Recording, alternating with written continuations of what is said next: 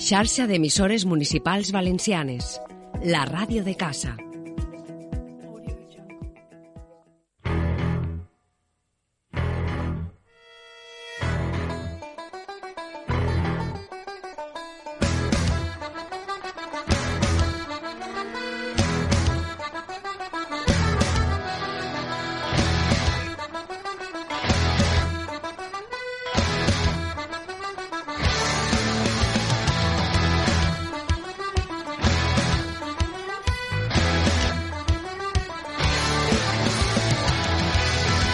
Tal, amigues i amics del cinema i les sèries? Eh, no sabem a vosaltres, però per així estem ansiosos. Ens ha fet molt llarga l'espera aquestes dues setmanes sense micro, sense ràdio Codella, sense cinema, però lo bo se fa d'esperar i és que el programa d'avui és molt, molt bo. I no ho diem nosaltres, eh? ho diuen els noms i cognoms de les persones convidades al capítol d'avui. En uns segons sabreu de què parlem i de segur que ens donareu la raó. Benvingudes i benvinguts a Sinestesia.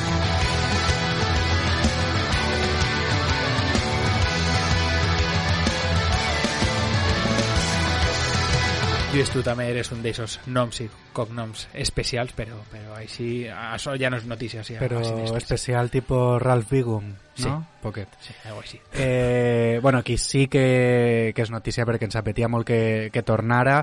És eh, Manu Salmerón, col·laborador habitual, ja va estar en el programa eh, primer, en el, en el de Sitges, però ara ve, diguem, ja entra en la roda de seccions habituals que tindrà el programa setmanalment, encara que ell vindrà una vegada al mes. Manu, benvingut, un plaer tindre't així. No sé si vols avançar alguna cosa ara de què anirà la secció o ho deixem per a després. Me hubiese gustado avanzar, pero Pablo me ha dicho que mejor lo explico un poquito más tarde. Así Y como que soy el jefe, lo voy a explicar un poquito más tarde. Lo Claro. que sí que puedo decir es que estoy muy contento de estar aquí como siempre y también un poco nervioso porque hoy voy a inaugurar una nueva sección después de no sé cuántos años, entonces tres o cuatro años. Así que bueno, lo he preparado con ilusión, espero que os guste. inaugurar secció, però sempre moguente en aquests eh, mons eh, oscurs i Sí, turbis, básicamente eh? Que la la gent no crega que vas a parlar de musicals. I... Tanto no hemos cambiado, Tanto no. tanto no hemos cambiado. pero- Val, doncs eh, si vos pareix, eh, comencem eh, primer breument, com sempre, amb l'actualitat de la setmana, que a més avui hem de dedicar-la a repassar el palmarès dels Premis Berlanga 2022.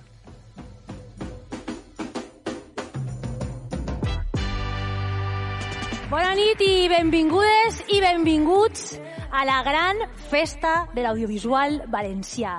És un honor per a mi presentar esta gala i fer-ho de nou així a, a Castelló. Eh, ja vam estar així fa tres anys presentant... Maria Juan, que està en tot, Lluís, Sí, sí. també estava presentant la gala dels Premis Berlanga de l'Audiovisual Valencià, com deia, a Castelló, uns premis que creíem en un principi que anaven a estar més repartits entre les tres favorites i no ha sigut així, Lluís.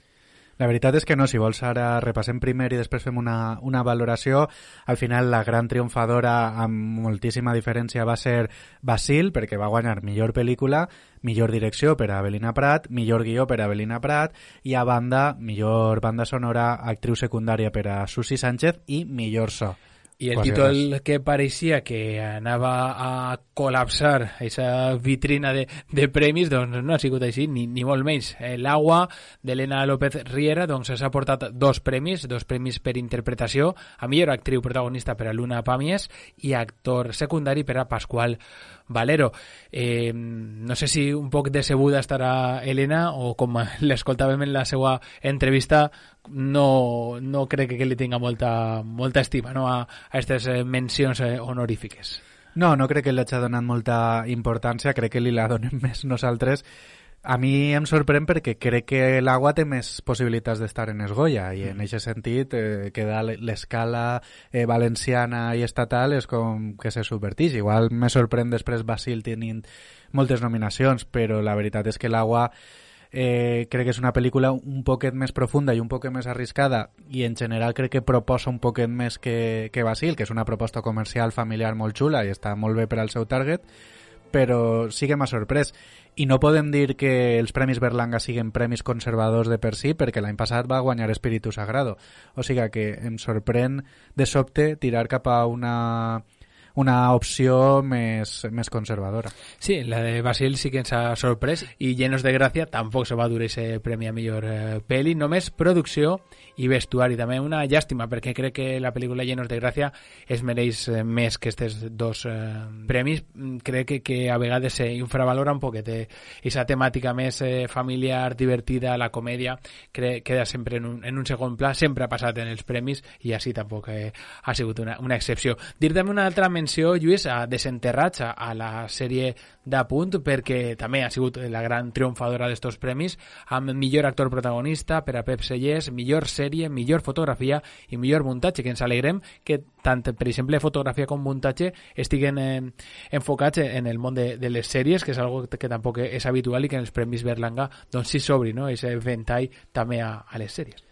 Sí, tot i que crec que és un, una cosa que s'ha agrupat per, simplement per falta de producció, no hi ha tantes sèries i tantes pel·lis, i per això moltes vegades competeixen entre ells. És una, una anomalia perquè no, no passa en altres premis en altres eh, regions mm. i que, bueno, lo ideal seria que hi haguera tant que al final acabaren separant-se. Eh, de tota manera, crec que ha sigut una collita prou bona, crec que és un any en un, en un nivell eh, més que acceptable i, i bé, que al final cadascú té els seus pensaments i les seves preferències, però crec que, crec que parla prou bé de, de l'estat de l'audiovisual el nivell presentat eh, este any. També hi han hagut més cosetes interessants, per exemple en l'apartat de, de curtmetratges, en el de ficció eh, Quieto Billy de Fernández de Córdoba, eh, en animació 1996 de la productora Primer Frame o en documental Hardcore, per exemple. I el llarg documental també, per fer aquesta menció, a Mujeres sin censura, que també tenia diverses eh, nominacions en altres eh, categories. Per cert, eh, Quieto Billy hem parlat amb Ivan, amb el seu director, que podreu escoltar-ho, com estem fent últimament, eh, eh, convidant a la gent a que s'escolte també per el RAI, per aquesta secció que tenim audiovisual eh, els divendres a, a la ràdio de Punt. Hem parlat amb ell i podreu escoltar l'entrevista que que, li hem fet, molt interessant, parlant d'este Quieto Billy i el seu, i el seu premi. No sé si vols eh, fer alguna menció més eh, als premis eh, Berlanga. No, a veure, crec que ja, ja ho hem parlat tot. Que no hem estat, eso es lo que pasa, que no hem estat este any. Clar, és que ahí està, ahí està el tema. Ahí està el tema. Volíem criticar-ho més, però només perquè no hem estat, i hauríem d'haver estat.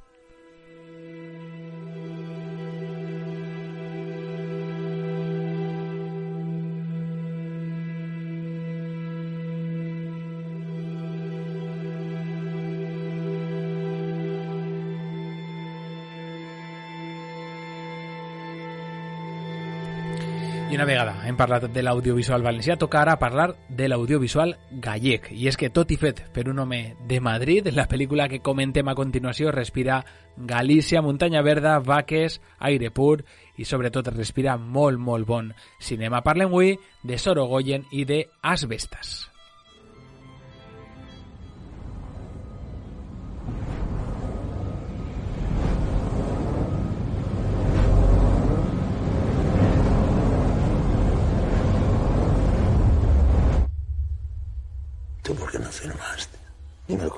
Con el corazón en la mano, ¿por qué no firmaste?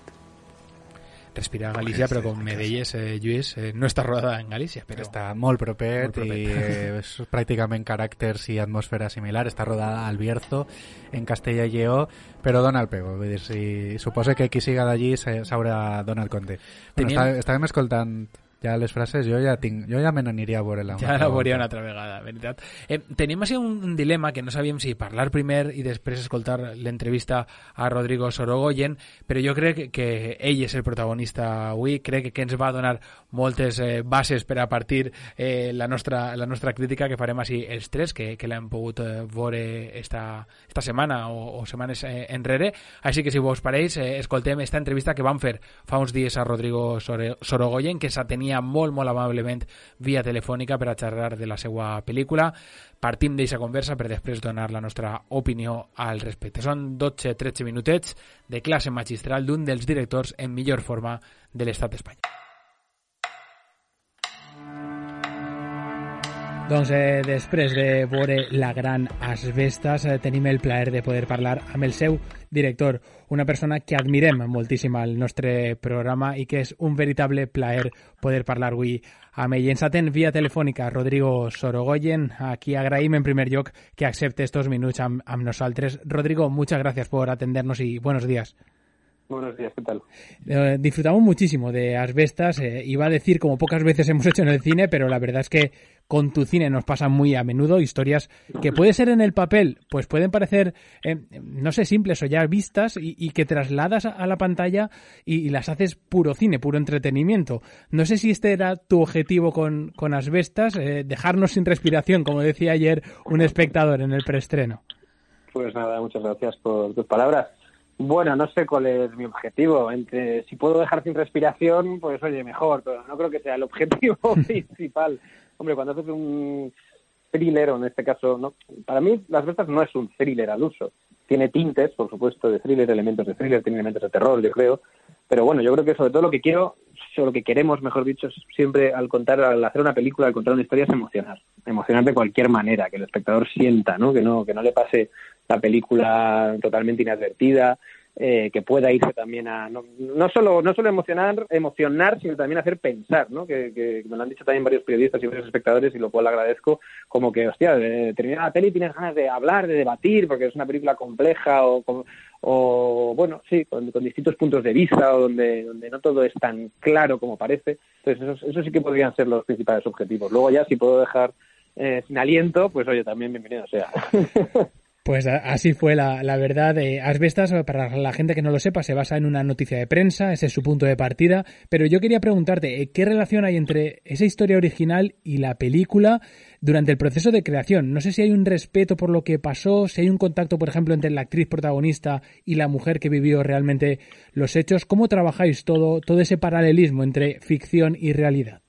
Pues mira, intentamos trabajarlo prácticamente sin trabajar, o sea, intentando separarnos. Nosotros leemos una noticia que nos estremece porque es una noticia del periódico que leemos en 2015. Nosotros queríamos hacer esta película hace ya muchos años, pero luego se cruzaron por, nuestros caminos eh, El Reino, Antidisturbios, Madre, y hemos terminado haciéndola ahora, habiendo, bueno, gracias a eso, pues trabajando mucho más el guion y creo que siendo cineastas más, más maduros. Entonces, bueno, bienvenido sea. Pero el caso es que leemos esa, esa noticia y en esa noticia que es terrible pues hay unos hay, hay un thriller ahí no hay una película de, pues eso de, terror como como siempre que lees un thriller. Pero lo que más nos estremeció y lo que más nos fascinó y lo que más nos interesó fue la decisión de uno de los personajes no que poco tenía que ver con el thriller. Evidentemente era víctima de ese thriller de ese, de ese crimen de esa, de esa situación pero tomaba una decisión muy poco todo lo contrario a la violencia no y eso fue lo que nos hizo querer escribir realmente. Pero una vez decidimos querer escribir nosotros intentamos separarnos del hecho real, porque, bueno, por una cuestión de pudor, yo creo, y de respeto a las víctimas, no queríamos, pues eso, hemos cambiado los nombres, hemos cambiado hemos cambiado los, eh, la nacionalidad, hemos cambiado evidentemente el pueblo y luego no tenemos tenemos muy poca idea de lo que ocurrió en esa aldea y es poca idea deliberada, ¿no? Sabemos lo que pone en la noticia. Entonces, a partir de ahí, quisimos, quisimos separarnos y hacer una película inspirada en unos hechos reales. Ya por curiosidad, eh, la pregunta que te hacía de, del contacto entre actriz y personaje real, ¿se produjo en algún momento? Eh, ninguno. El único contacto que hemos tenido ha sido, hemos sido la guionista y yo. Ajá. Muy bien, era, era, era, curiosidad por ver si ella había cogido algo ¿no? de, aquel, de aquel personaje. Volviendo a esa emoción que tú decías que tiene que tener eh, el cine que tiene todo tu cine, me gustaría saber si es también eh, esa emoción la que buscas tú como consumidor a la hora de, ver eh, películas, porque, eh, bueno, cine y series también, porque lo que haces con el primer capítulo de, Apagón es potencia, emoción increíble. Y también si, si también tienes ese audiovisual que consumes referente, si, si, lo tomas como referente, porque no sé si es así, pero había cosas de perros de paja en, en Asbestas. no sé si puede ser. Por supuesto, por supuesto. A ver, yo intento hacer el cine que me gusta ver, por supuestísimo. Luego me, luego me gusta ver otro tipo de cine también, no, no solo veo un tipo de cine. Pero si tuviese que buscar un denominador común, ya sea una película de terror, o ya sea una comedia incluso, o ya sea, bueno, por supuesto, un drama, o una peli histórica, una peli clásica, eh, el denominador común es la emoción. Es la emoción. O sea, yo, yo si una película que no me emociona, pues ya es una película que merece menos la pena. Luego la puedo valorar técnicamente, puedo valorarla en su contexto histórico, por supuesto, pero a mí las películas que realmente pondría en mi estantería, ¿no? Si tuviese que decidir solo tener algunas, son las que me emocionan. Entonces, intento o intentamos hacer ese tipo de cine. Y, vamos, y luego puede ser de cualquier género, pues eso, el apagón me parece muy distinto a las bestas en ese sentido. Entonces, intentamos hacer eso, por supuesto. Y, y bueno, y los referentes están ahí, claro. Luego, luego ya una cosa son ese denominador común que he dicho de la emoción, luego están los referentes a las que cada película, por ciertas, por diversas razones, se pueden llegar a parecer. Asbestas, evidentemente, tiene un referente clarísimo que es Perros de Paja.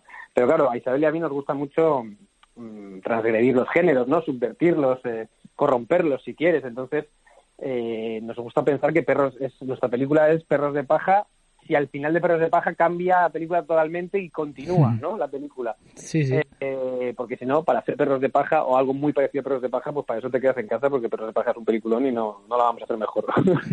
No vamos a entrar entonces en el porqué de aquel remake que no, que no hizo falta en su, en su momento. Exacto. Eso lo, lo dejamos ahí. Eh, eh, una última cosita, eh, Rodrigo. Eh, vemos todos tus sellos personales en, en esta película, esas conversaciones alrededor de, de una mesa con varios personajes, eh, larguísimos, eh, diálogos eh, muy tensos, situaciones eh, incómodas, ¿no? También esa cámara muy cercana a la cara de, de los protagonistas. Eh, todo esto es un sello, pero supongo que evidentemente una herramienta narrativa, no solo por poner, digamos, el, el maletín de Tarantino, sino que tiene que un porqué para construir la, la película. No sé si, si me explico.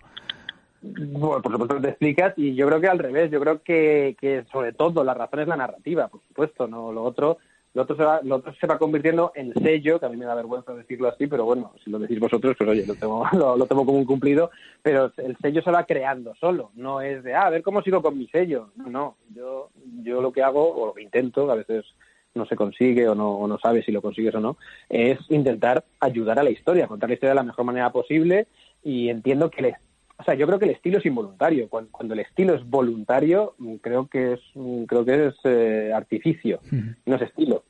¿no? Uno, uno tiene un estilo pues porque ha decidido que le gusta esto. ¿sabes? Que, que no, no, ay, voy, a, voy a fabricar mi estilo, voy a hacer mi estilo. Entonces, el estilo suele ser artificial y se suele notar, no suele ser genuino. Entonces, yo quiero pensar, evidentemente, a lo mejor me equivoco y otras personas pueden pensar eh, lo contrario, pero yo quiero pensar que, que el estilo se va construyendo con las películas que vas haciendo, por cómo las ruedas y porque las estás rodando de, de determinada manera para, bueno, simplemente por cuestiones narrativas.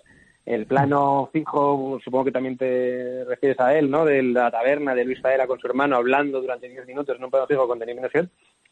Eso, no sé si crea estilo o no crea estilo, pero es una, es una decisión totalmente narrativa, totalmente. Porque a mí, ¿sabes qué plano digo, no? Sí, sí, claro, claro. El, el Eh, plano, pues- el plano en mayúsculas. Exacto, está totalmente medido que la, que la distancia de los, de los actores a la cámara es totalmente equitativa. Yo no quería ver- contar esta historia, o por lo menos ese plano, mejor dicho, desde el punto de vista de Antoine, que es el punto de vista de la película, por supuesto. Pero digo, no, aquí en esta escena vamos a, vamos a ponerles en la, a la misma distancia del espectador, porque es una escena que narrativamente lo que hace es contar eh, las, las razones, ¿no? De una manera totalmente clara y sin, ¿no? Y sin, sin ambaj, no, sin, sin tonterías, ¿no? De, de las razones de cada personaje. Entonces me parece que está totalmente calculado y totalmente decidido de manera consciente la distancia que hay, donde coloco la cámara, ¿no? Donde la colocamos, que es, pues eso, eh, el espectador está aquí y, y les ve allí como si fuese, vale, tengo a la izquierda esto y a la derecha esto. Entonces eso es una cuestión narrativa. Otra cosa es que, pues eso, a cada decisión vaya creando estilo. Claro. De hecho, no sé si te lo han trasladado actores y actrices, pero en este tipo de, de planos, además ya no solo los planos secuencia que hay un seguimiento, sino simplemente poner la cámara delante de, de ellos tanto tiempo, los desnuda totalmente, metafóricamente hablando, y es más duro para ellos, o no es así, pero mm, no sé cómo, cómo te lo trasladan ellos, pero a mí me da la sensación Sí. de que ahí es donde ves actores y actrices totalmente en su esencia. Claro, por supuesto. Entonces, como tienes actores buenos, pues es una maravilla y tienes que aprovecharlo. Entonces, le- por un lado les, les, les asusta en el sentido bonito de la palabra, porque es una cosa arriesgada, pero los actores, bueno, cualquier, bueno, sobre todo los actores, están deseando que les pongamos en riesgo, porque justamente es eso. Oye, un actor es un kamikaze en el fondo, ¿no? Alguien que se dedica a la interpretación, yo les, yo les admiro y les valoro mucho por eso, porque son kamikazes. Es los que más desnudos están. Entonces, claro, si, si lo hacen y se dedican a ello, entiendo que tienen una parte, ¿no? En, que disfrutan con ello y, decisiones así, aunque les asusta y se, y se estresan y tal, en el fondo lo agradecen muchísimo y es realmente a lo que se, ¿no? Eso están haciendo realmente lo que a lo que se dedican, a lo que se quieren dedicar. Tal cual. He utilizado como herramienta el hecho de decir última pregunta hace dos preguntas, pero ves, así también eh, voy introduciendo tu, tu tensión en la entrevista porque ahora sí que es la última pregunta, ¿eh? te lo prometo, pero es que quería hacerte una última eh, relacionada con, con la música. Es algo que, que, nos apasiona el sonido en el, en el cine, aquí en, en Cinestesia, y que ayer nos habló en el, en el coloquio y sí que lo, me lo quería, quería que me lo aclararas un poco. Vuelves a trabajar con Olivier Arson, eh, un trabajo de ingeniería sonora brutal, y me gustaría saber cómo funciona en montaje eh, esa música, porque eh, vimos en todo momento cómo anticipaba aquello que venía, eh, -huh. cuan, cuando suena, cuando no suena, qué quieres decir en los próximos planos. ¿Cómo trabajas eso, eh, tanto, en el, tanto con él a nivel sonoro como después en el montaje? Que creo que hay mucha parte de montaje en ello. Sí, claro. Bueno, también ten en cuenta que el montador es Alberto del Campo, que monta también todas mis pelis, entonces formamos un trío que se que eh, ese trío eh, funciona muy bien, se compenetra muy bien, quiero decir. Entonces, uh -huh. pues no sé, trabajamos hablando mucho, eh, conversando mucho, buscando, eh, sobre todo teniendo la honestidad. O sea, claro, cuando lo bueno de trabajar con un equipo que es siempre el mismo es que estás seguro que lo que nos decimos, estamos seguros de que lo que nos decimos es real, ¿no? Cuando, cuando tú trabajas con alguien, con un artista, por supuesto, con un profesional, y trabajas solo y no, no, se, no le conoces durante y trabajas solo durante tres meses, cuatro meses, lo que dura la colaboración, es muy difícil, yo lo entiendo, porque es muy difícil decir la verdad, no ser totalmente sinceros, porque puedes herir egos, porque porque a veces no es eh, práctico, ¿no? Realmente si te tiras un mes enfadado ya has perdido un mes de colaboración. Entonces lo bueno es que nosotros ya, claro, no nos enfadamos porque sabemos que es verdad, sabemos que no hay ningún ninguna mala intención. Entonces, cuando alguien me dice eh, esto no me gusta o yo le digo esto no me funciona, sabes, te quitas de las tonterías, sabes que no funciona y vas a otra cosa. Entonces, eh, yo creo que la honestidad es la, la, la, la gran clave. Ahora, si me preguntas técnicamente, pues también es una cuestión de intuición, por supuesto, y de ensayo-error. Eh, tú puedes tener unas ideas que a veces, eh, cuando las ves materializadas y puestas en pantalla, a lo mejor no te funcionan, o a lo mejor dices, sí, pues mira, hemos acertado, ¿no? Esto de, oye, yo creo que aquí la música tal. Bueno, y, y lo otro es la intuición. Yo no me considero para nada un, experto en, bueno, evidentemente ni en música ni en montaje, pero sí que creo que tengo la, la intuición para saber esto funciona, esto no quiero esto, no quiero esto. Pero bueno, eh, dentro de todo eso eh, es probar, probar y probar y anda que montaje siempre tiene que dar mil vueltas y cuantas más vueltas de, y cuando digo montaje también entra la música y cuantas más vueltas de, pues mejor. En cuanto a la creación de la música, pues ya te digo, a, intentar expresarle a Oliv lo que yo estoy buscando, a Olivia lo que yo estoy buscando y él intentar hacer su magia. Es verdad que hay pelis y bandas sonoras que cuestan más que otras y a veces nos costó mucho, la verdad. Pero bueno, al final lo hemos encontrado y yo estoy encantado con la, con la banda sonora. Es verdad que se, se, basa en esos detalles, esos golpes de percusión, esos momentos en que sube, baja y de verdad que yo quedé alucinado no solo viéndola, sino también escuchándola. Rodrigo Sorogoyen, ha sido un verdadero placer poder hablar contigo, poder haber visto Asbestas ya y poder trasladarlo a nuestra audiencia, el que por favor vayan a disfrutar de una de las eh, películas del año en sala de cine, que como nos comentabas, hace falta llenar la, las salas. Muchísimas gracias por atendernos y que vaya muy bien la, la promoción y el estreno de, de la película. Gracias a vosotros. De mierda, el propio Napoleón le dijo. Son unos tarados de merda. Tarados de merda. ¿Lo seguís pensando, francés? Seis doble. No, Sean. Este sitio es mi proyecto de vida. Mío y de mi mujer. Cada vez que me levanto. He de confessar que tenint la conversa amb Rodrigo Sorogoyen vaig estar tota l'estona amb els pèls de, de punta, després fora de micro doncs vaig eh, dir-li de tot el que l'estimava i de que per favor no morirà mai eh, tinc predilecció absoluta per este, per este director i jo vull saber avui en esta taula si l'amor eh, és compartit o si no és així. Jo sé que per una part d'esta taula sí, per l'altra pot ser que, que no, però anem a posar-ho així damunt de la taula i anem a parlar dels pros i dels contra de, del cinema de, de Sorogoyen, però concretament anem a centrar-nos en Asbestas, que és la producció que arribava esta passada setmana als nostres cinemes i que la van poder gaudir en pantalla gran, que sempre és un, sempre és un plaer. No sé qui vol començar a fer el, el seu comentari d'Asbestas, Lluís. Bueno, ja que estem en la part eh, més positiva i més eh, eufòrica eh, de l'alabança a Rodrigo Sorogoyen, bueno, eh, òbviament estem d'acord perquè vam anar a veure la Junts i després hem tingut molt de temps per a parlar d'ella fora de micros. Eh, crec, que, crec que Rodrigo és possiblement el director en millor estat de forma actual en Espanya, de, de, porta molts anys eh, a un nivell molt alt, molt prolífic, eh, dirigint tots els anys, eh, coses i totes tenen un nivell i un acabat espectacular, que després te pot agradar més o menys, poden tindre més preferència o menys per les seues històries, però és que eh, tot el que fa ho fa bé. Eh, és un director que ha arribat al nivell de la solvència d'un Alberto Rodríguez eh, o, o, o inclús ja de les fronteres a nivell europeu un Jack Saudiart o, o qualsevol altre que faça thrillers a, a un nivell eh, màxim. Uh -huh. Eh, és, és això, jo crec que és dels millors directors europeus. Eh, el que aconsegueix és tindre un setxell propi d'autoria, perquè és un autor, eh, perquè encara que les seues pel·lis per a mi són com molt divertides i molt comercials, realment ell deia que tampoc han tingut massa èxit, alguna en França sí, però que en Espanya tampoc tant, i, i el que aconsegueix és que cada diàleg tinga atenció. Són thrillers però sense molta acció moltes vegades.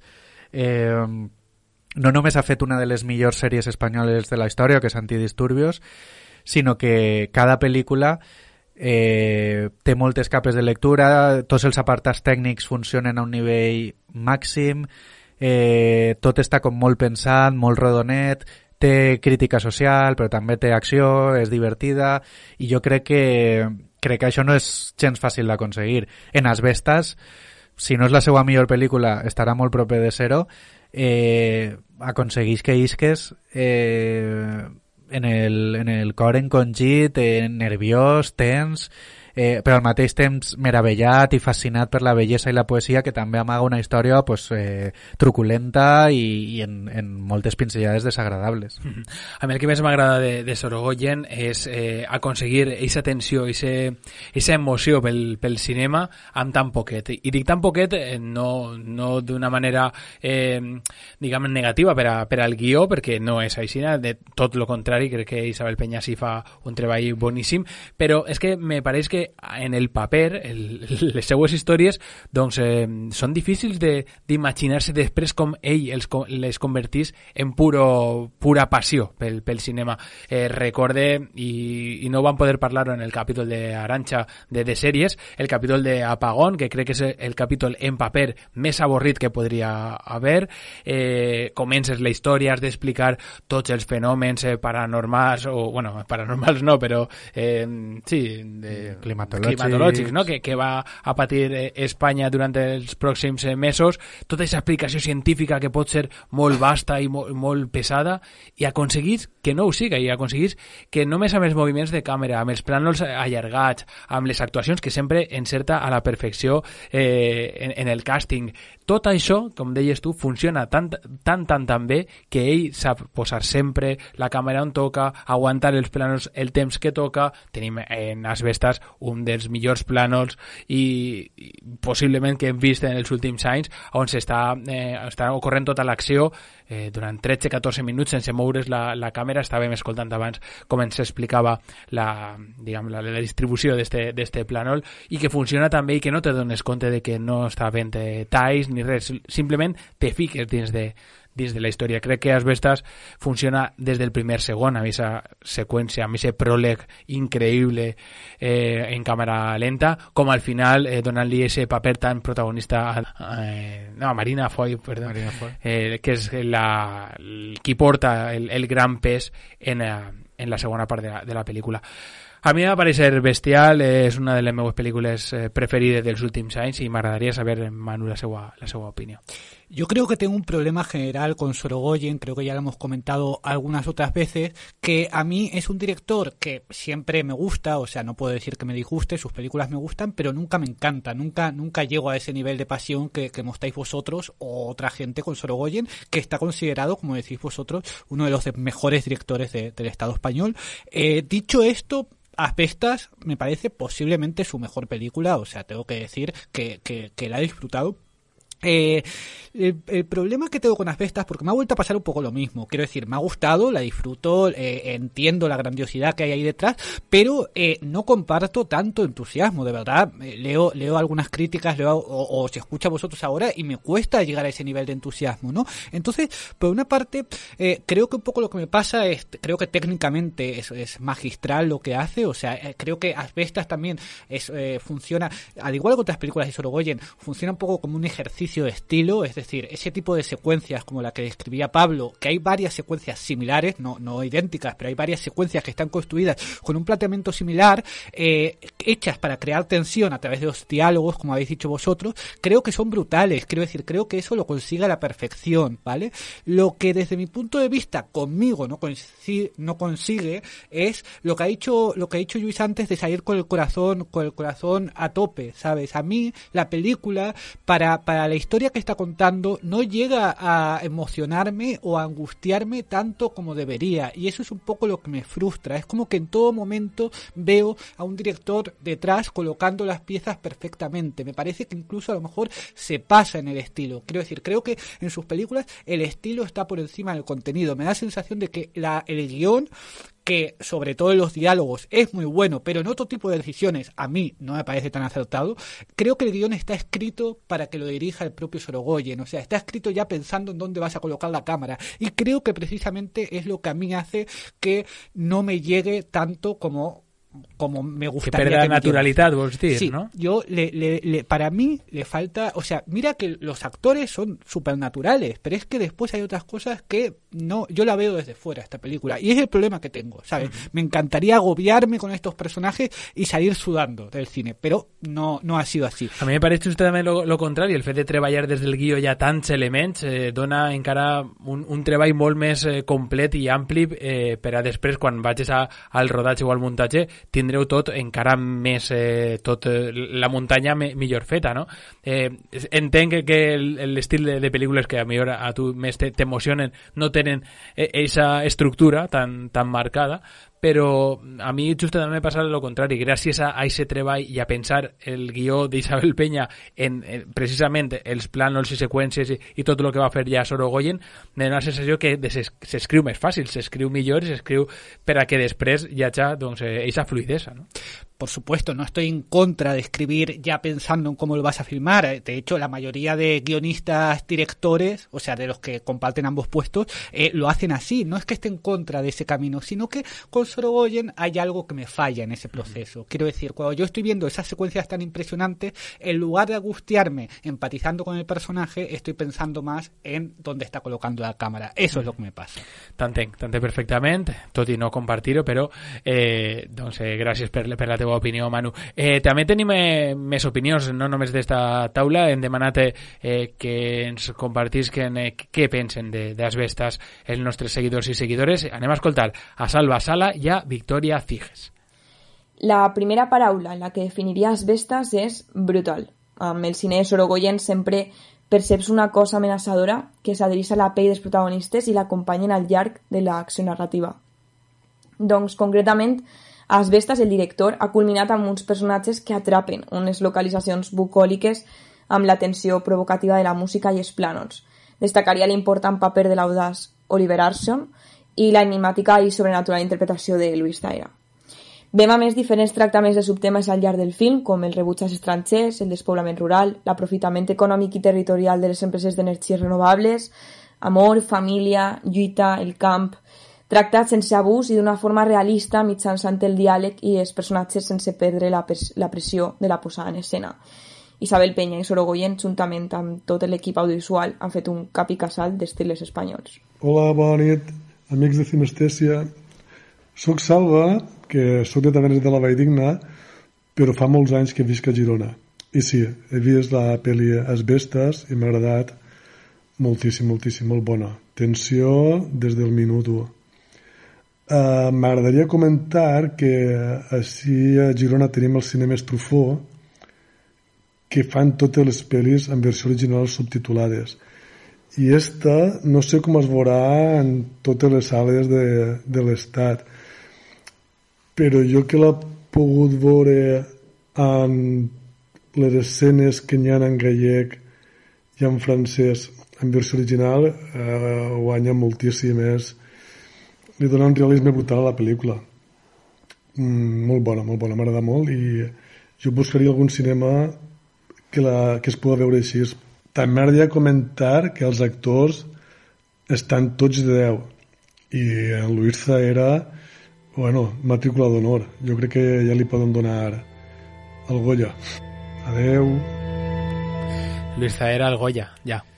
Bueno. diu Salva, no? No, hem, no en ell, però bueno, lo de Luis Zaera és, És és estrato, altre- estratosfèric. Jo crec que, que estar estarà segur, nominat, ja veurem si, si se Sí, sí, porta, però vamos, segur, el home, paper és, seguríssim. és, és increïble. Doncs eh, podríem eh, estar parlant de, de Rodrigo Sorogoyen, algun dia farem un especial, Lluís, de Sorogoyen només. Eh. Quan vulguis. Avui, que ha faria sigut- a tots els avui ha sigut programes. una pinzellada, però crec que tenim més coses interessants de les quals parlar eh, avui. Avui no anem a fer ni, ni estrenes. S'estrena la maternal, anem a dir, i ja està. I Cliff Walkers, també. Ja està. Dos pel·lícules que heu d'anar a Manu s'ha carregat esta secció. Però Manu perquè se vol, mereix diu molt que respecte. mínim vol 40 minuts per al programa Vale, i... pues, Manu, amb la seva secció, que no sé si serà de nivell, però el que sí que sé és que la sintonia que ha elegit per a que sempre que vinga sone això, la veritat és que ahí sí que la, la, lo ha clavado.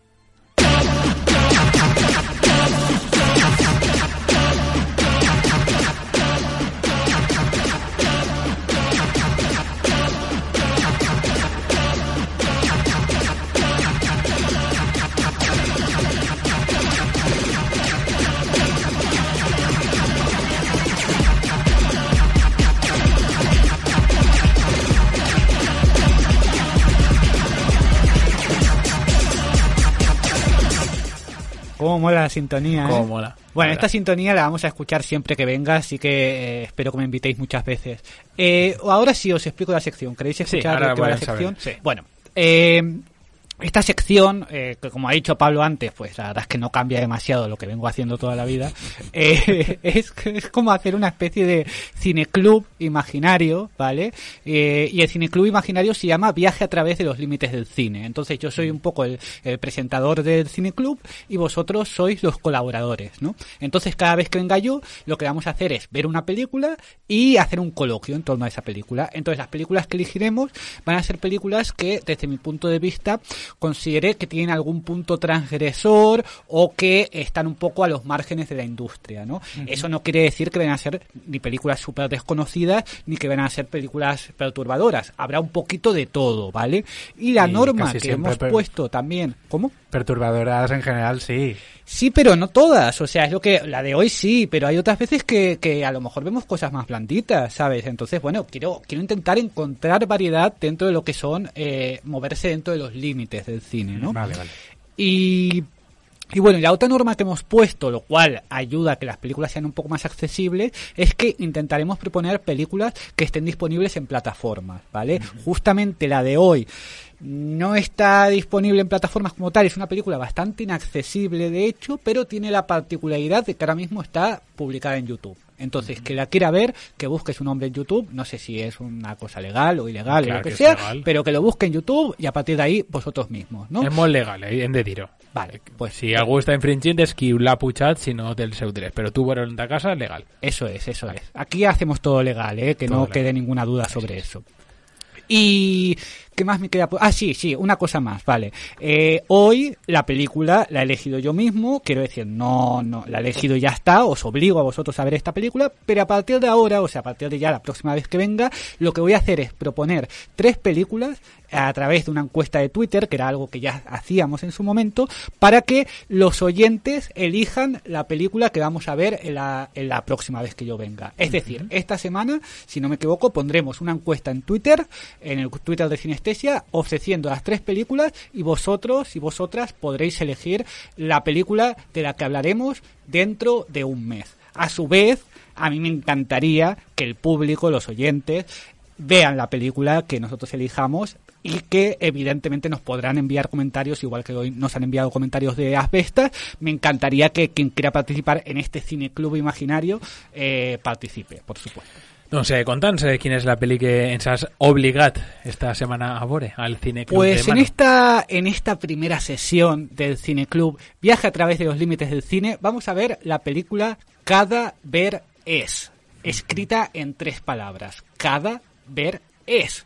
Se trata de un documental centrado en el embalsamador del depósito de cadáveres del Hospital Clínico de Valencia. Y antes de empezar, eh, Pablo y Luis, eh, que- quiero preguntaros una cosa. ¿A vosotros os dan miedo los cadáveres? ¿Os da igual de miedo el cadáver de una persona conocida o una persona desconocida? ¿Y los cadáveres que aparecen en las películas?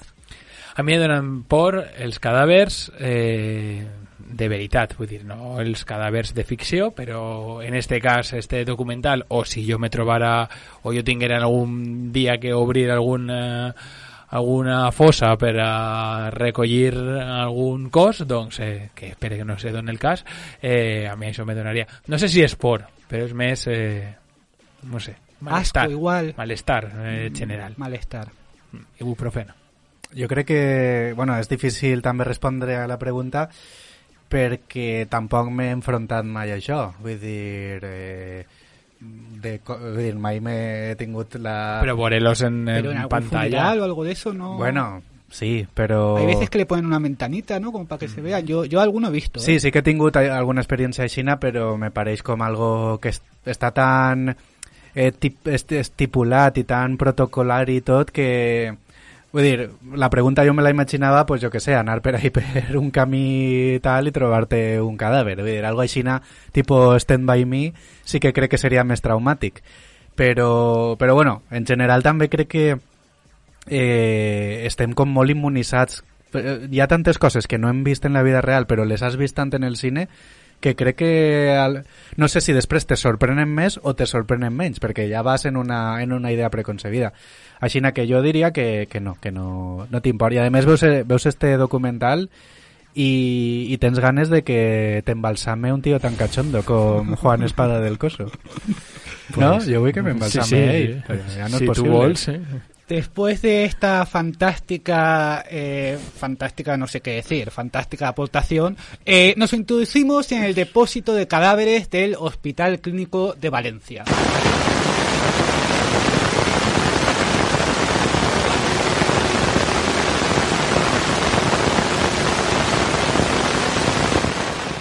Durante el tardofranquismo y la transición, la cinematografía valenciana vivió su periodo más salvaje gracias al movimiento conocido como cine independiente valenciano, que engloba a una serie de cineastas que compartían la intención de hacer películas de carácter subversivo a través de la experimentación con el lenguaje cinematográfico.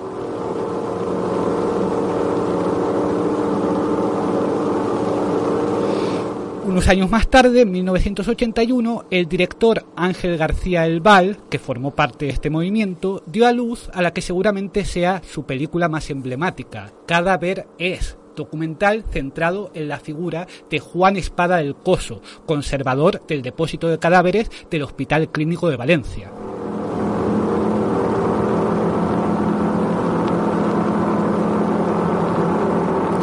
El documental, que también incluye imágenes de los pacientes del Hospital Psiquiátrico de Vétera, dedica la mayor parte de su metraje a capturar las labores de Juan Espada en el depósito de cadáveres, mostrando una gran variedad de cuerpos cortados y manipulados para su posterior estudio científico.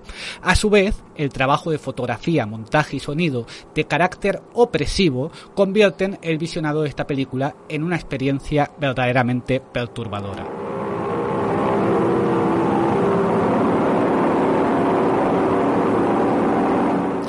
Tras superar numerosos problemas de financiación, cada Verés fue finalizada en 1981. Sin embargo, el Ministerio de Cultura bloqueó su distribución comercial alegando motivos técnicos, a pesar de que ya hacía años que había desaparecido la censura. Finalmente, y tras una campaña liderada por el director Ángel García del Val, en la que participó, entre otros, Luis García Berlanga, el documental consiguió estrenarse en salas en 1983, alcanzando una cifra total de 5.430 espectadores.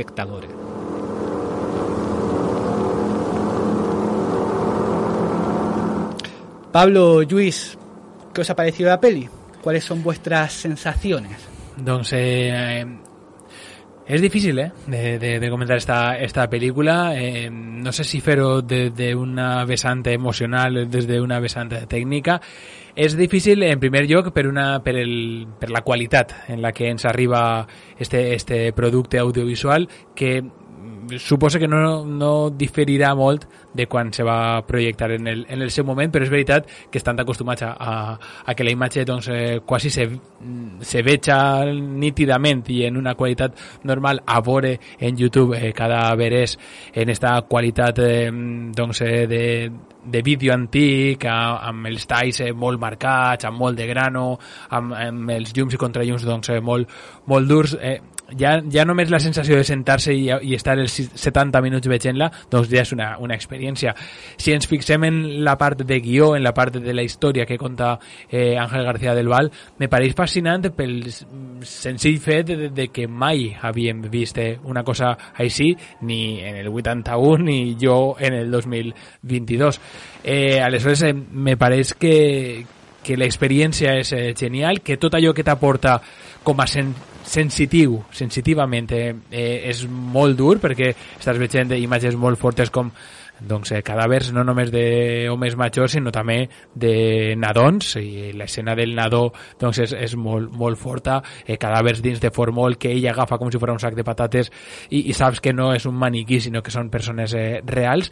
Doncs tot això estàs eh, sumant una experiència única que si tens un estómac eh, saludable doncs la pots veure, si no doncs no seria una pel·lícula com fent menció a, a una de les coses que sempre diu Lluís a l'hora de valorar les pel·lícules, no seria una pel·lícula que recomanaria a ma mare. Aleshores, no sé si tu se l'has recomanat a ta mare, Lluís. O si bueno, l'havia vist ja. Igual l'havien vist, eh? no, no se'n recordava d'això, però bueno, eh, jo crec que sí, pense com Pablo que és una pel·lícula que transcendix un poquet eh, la valoració que podries fer, no, no, és, no la pots valorar com Asbestas o com Titanic o com Avatar o com Casablanca.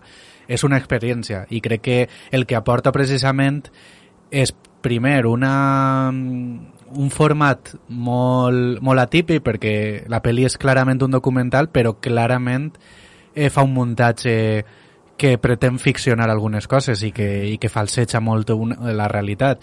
Entonces, em, em pareix una, una pel·lícula eh, transgressora.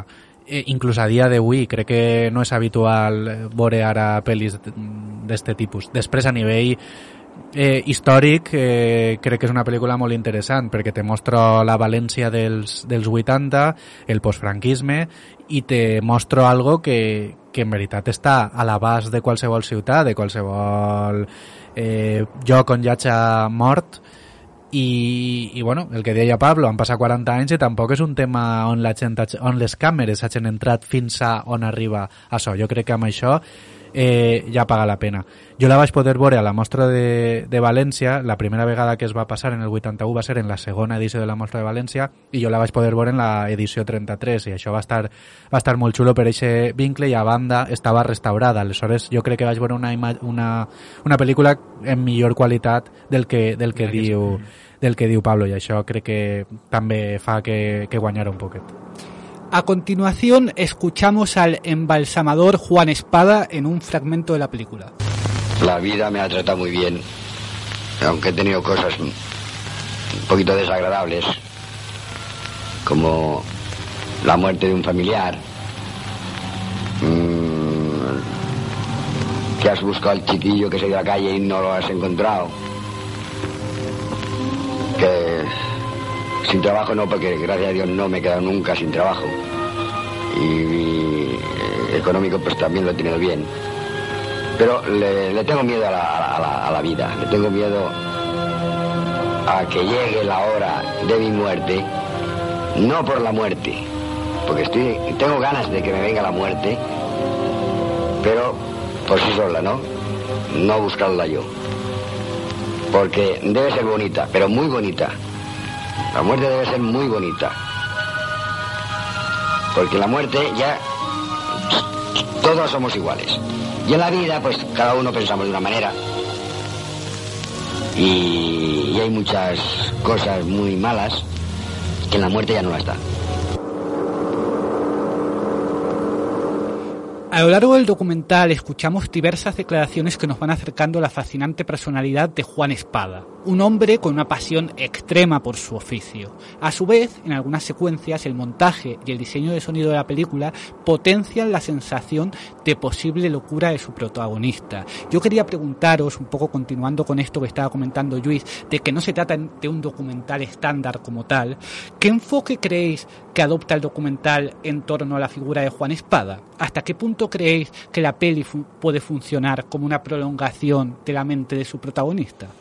és veritat que, que mostrar a Juan Espada tan eh, proper a la mort en el seu a dia, el que sí que te fa és un poc reflexionar sobre com està de present, com deia Lluís, la, la en, en la nostra quotidianitat i que veure a gent tan vinculada a la que diu clarament, com hem escoltat, que no li té por a la mort i que tots anem a morir, tingam els diners que, que tingam, doncs és com que sí que te dona una lliçó, la lliçó xicoteta si no te vols eh, ratllar molt el cap, de, de que potser hagem de veure les coses de, des d'un altre punt de, punt de vista. No? I jo crec que sí que té una intenció Ángel García del Val de que de que a través de, del seu protagonista ens eh, rebaixem un poquet eixa, eixa por a, a, a la mort i, i que ell és un exemple perfecte, la veritat.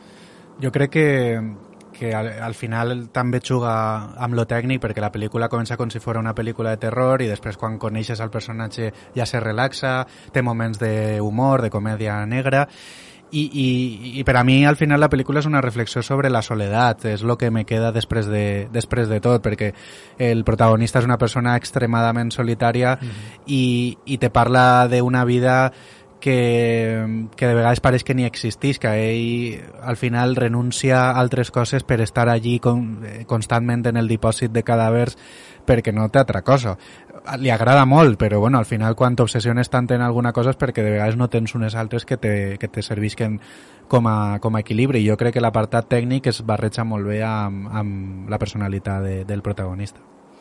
A continuación escuchamos un segundo diálogo de nuestro protagonista.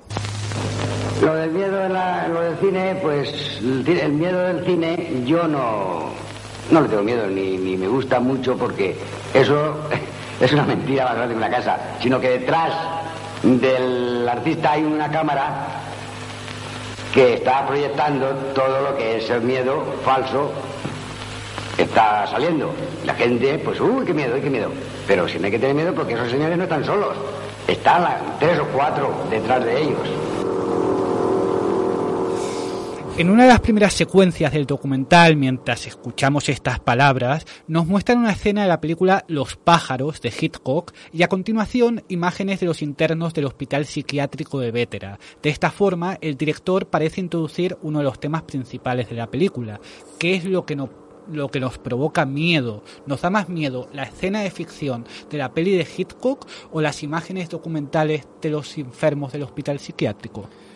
Bueno, això també és una de les parts més comentades de la pel·lícula, no? Perquè una vegada passa la, part de l'hospital psiquiàtric ja la pel·lícula no és de, dels soterranis de, de l'hospital i està clar que té una intencionalitat que, que jo crec que lo, lo xulo també és veure-la i que cadascú traga les, les seues conclusions perquè em pareix que és una pel·li que jo tampoc m'atreviria sense haver escoltat tant al director, al, al muntador, que bueno, ho van fer també entre el director de fotografia i ell, eh, la, la verdadera càrrega eh, que hi ha. Lo que sí que està clar és que en este, en este àudio que escoltàvem eh, el protagonista Juan Espada mos, mos torna a parlar d'això. Com vas a tener miedo si con él hay tres o cuatro personas más? Torna a parlar de lo mateix. Si estàs acompanyat, mai pots tindre por. Si, si estàs soles és quan, quan comença el terror.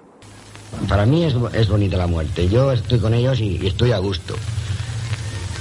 Lo, prácticamente estoy de las 24 horas del día, pues 13 horas, 14 estoy con, ellos. Hablo con ellos como si hablase con personas vivas. Ellos, claro, no me contestan, pero hay veces que parece que los gestos que tienen quieren decirme algo. Y yo, por los gestos muchas veces, conozco que me quieren decir algo. Pero no lo sé. Eso no lo puede saber nadie. Estas frases suenan mientras vemos a Juan Espada manipulando el cadáver disecado de un bebé en una escena que ya habéis comentado y que para mí es una de las secuencias más impactantes de la película. En vuestra opinión, ¿qué aportan este tipo de imágenes? ¿Consideráis que Cadáveres incide en lo morboso? A veure, morbosa és la, la imatge. Podries no haver tret aquesta imatge, no sé si per respecte a, a la família d'aquest nadó o per simplement no caure en el, en el comentari de després en recordar-te d'aquesta imatge quan vas a, a dormir. El que crec és que també és necessari, ja que estàs rebaixant eh, també físicament als, als sòtans de, de la ciutat de, de València i que estàs mostrant la mort, per què no també mostrar tota la mort i de fet és una reflexió que se fa àmplia en, la pel·lícula d'eixos cadàvers eh, que estan ahí i que estan, eh, la mort està tan a prop de nosaltres ja tinguem 0 anys que 99 ja siguem rics que pobres que crec que és un element que, que ha de ficar-se o sí.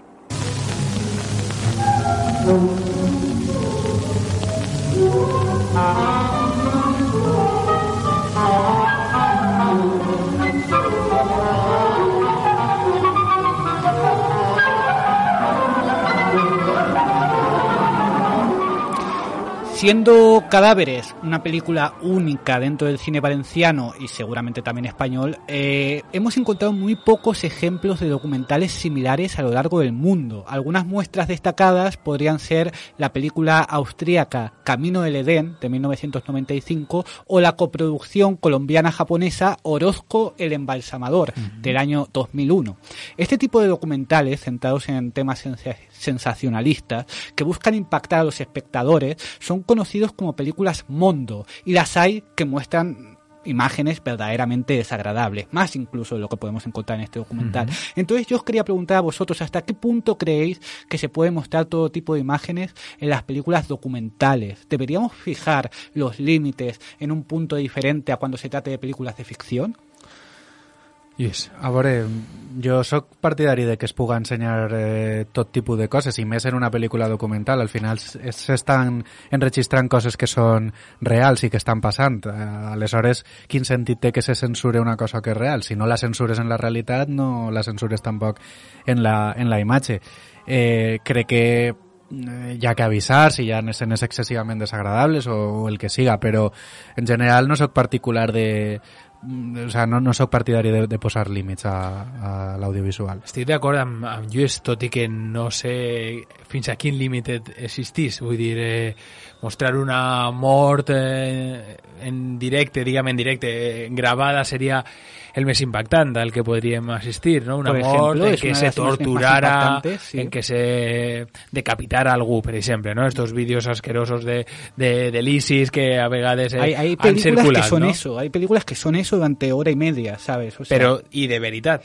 eh, eso hay, hay Les- dudas sobre la procedencia, hay dudas sobre ¿no? la procedencia de ese tipo de imágenes, ¿sabes? Por eso A mi, sincerament, evidentment, eh, aplicar una censura no, pues, perquè pues, pues a millor no, però que jo vaig a veure aquesta pel·lícula, Manu, sincerament, no, que no compten amb mi, perquè al final, si entra dins de, de l'apartat morbós, sí que no me, creo, creo no me crida l'atenció. un poco eh, concluyendo por todo esto que estáis comentando, creo que es importante también que ese aspecto más morboso se compense de alguna forma con otro aspecto, con un aspecto artístico o un aspecto, yo qué sé, discursivo, ¿no? Quiero decir... Mm. Sí, però, dins d'unes eh, unes movie que decapiten una persona eh, ha de ser molt, molt bones, ha de ser asbestas eh, abans i després per a que aquesta escena eh, eh, funcione, ¿no? Claro. No, por lo menos para mí me pasa Pero, eso. por ejemplo, eh, volviendo un poco a lo que comentábamos antes de la escena del bebé de, de esta película, es una escena que está muy bien construida porque justamente la frase que, que, que, que dice Juan Espada mientras vemos a ese bebé justamente crea como, provoca como una especie de, fe- de efecto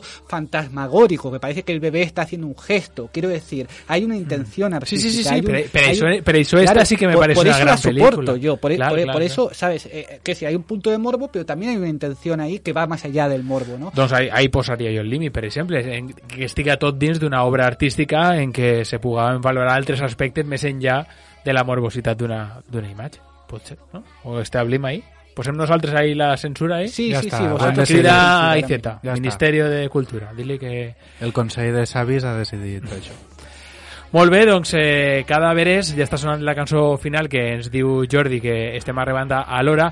Eh, Manu, això és increïble, vull dir, pots vindre totes les setmanes? ¿Te ha gustado? M'ha encantat. ¿En serio? Sí, lo que pasa que m'agradaria també saber la teua resposta a les preguntes que Bueno, fas. pues la próxima vez hago menos preguntas y intento comentar yo un poquito más. Sí, perquè a més la gent vol saber ya que tú estás presentando. Bueno, yo es que tengo que decir que estoy de acuerdo con prácticamente todo lo que habéis dicho y que me encanta esta película y que me parece un absoluto milagro, o sea, más que milagro, una bendición para Valencia tener esta película. Quiero decir, eh, para mí es el santo grial del cine valenciano. Mira, espés de punta, eh? Espés de punta. Sí, ser sí, sí, ser valencià i que això dir que és valencià. Así eh? es. Mare meva.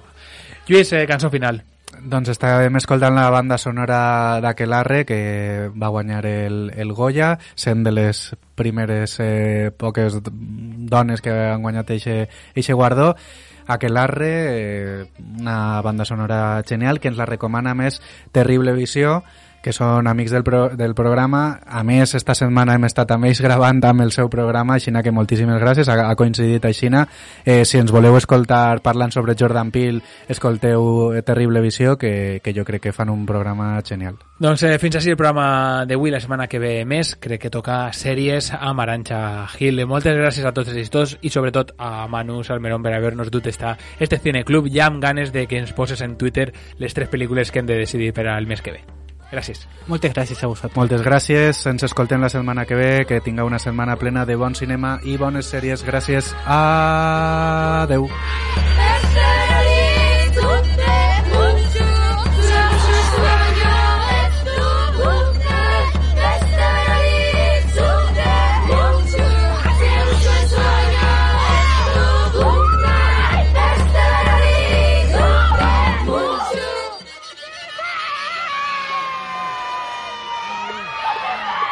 Escoltes, un programa de la xarxa d'emissores municipals valencianes.